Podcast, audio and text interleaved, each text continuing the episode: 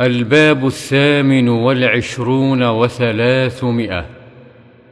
باب كراهة التقعير في الكلام بالتشدق وتكلف الفصاحة واستعمال وحشي اللغة ودقائق الإعراب في مخاطبة العوام ونحوهم.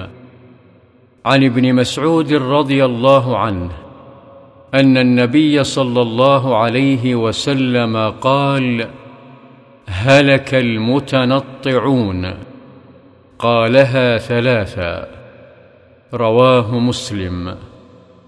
المتنطعون المبالغون في الأمور.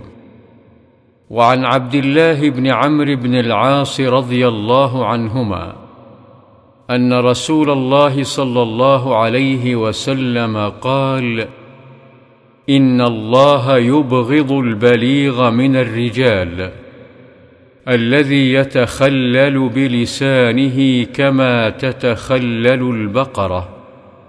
رواه أبو داود والترمذي وقال حديث حسن. وعن جابر بن عبد الله رضي الله عنهما أن رسول الله صلى الله عليه وسلم قال إن من أحبكم إلي وأقربكم مني مجلسا يوم القيامة أحاسنكم أخلاقا وإن أبغضكم إلي وأبعدكم مني يوم القيامة الثرثارون. والمتشدقون والمتفيهقون. رواه الترمذي وقال حديث حسن.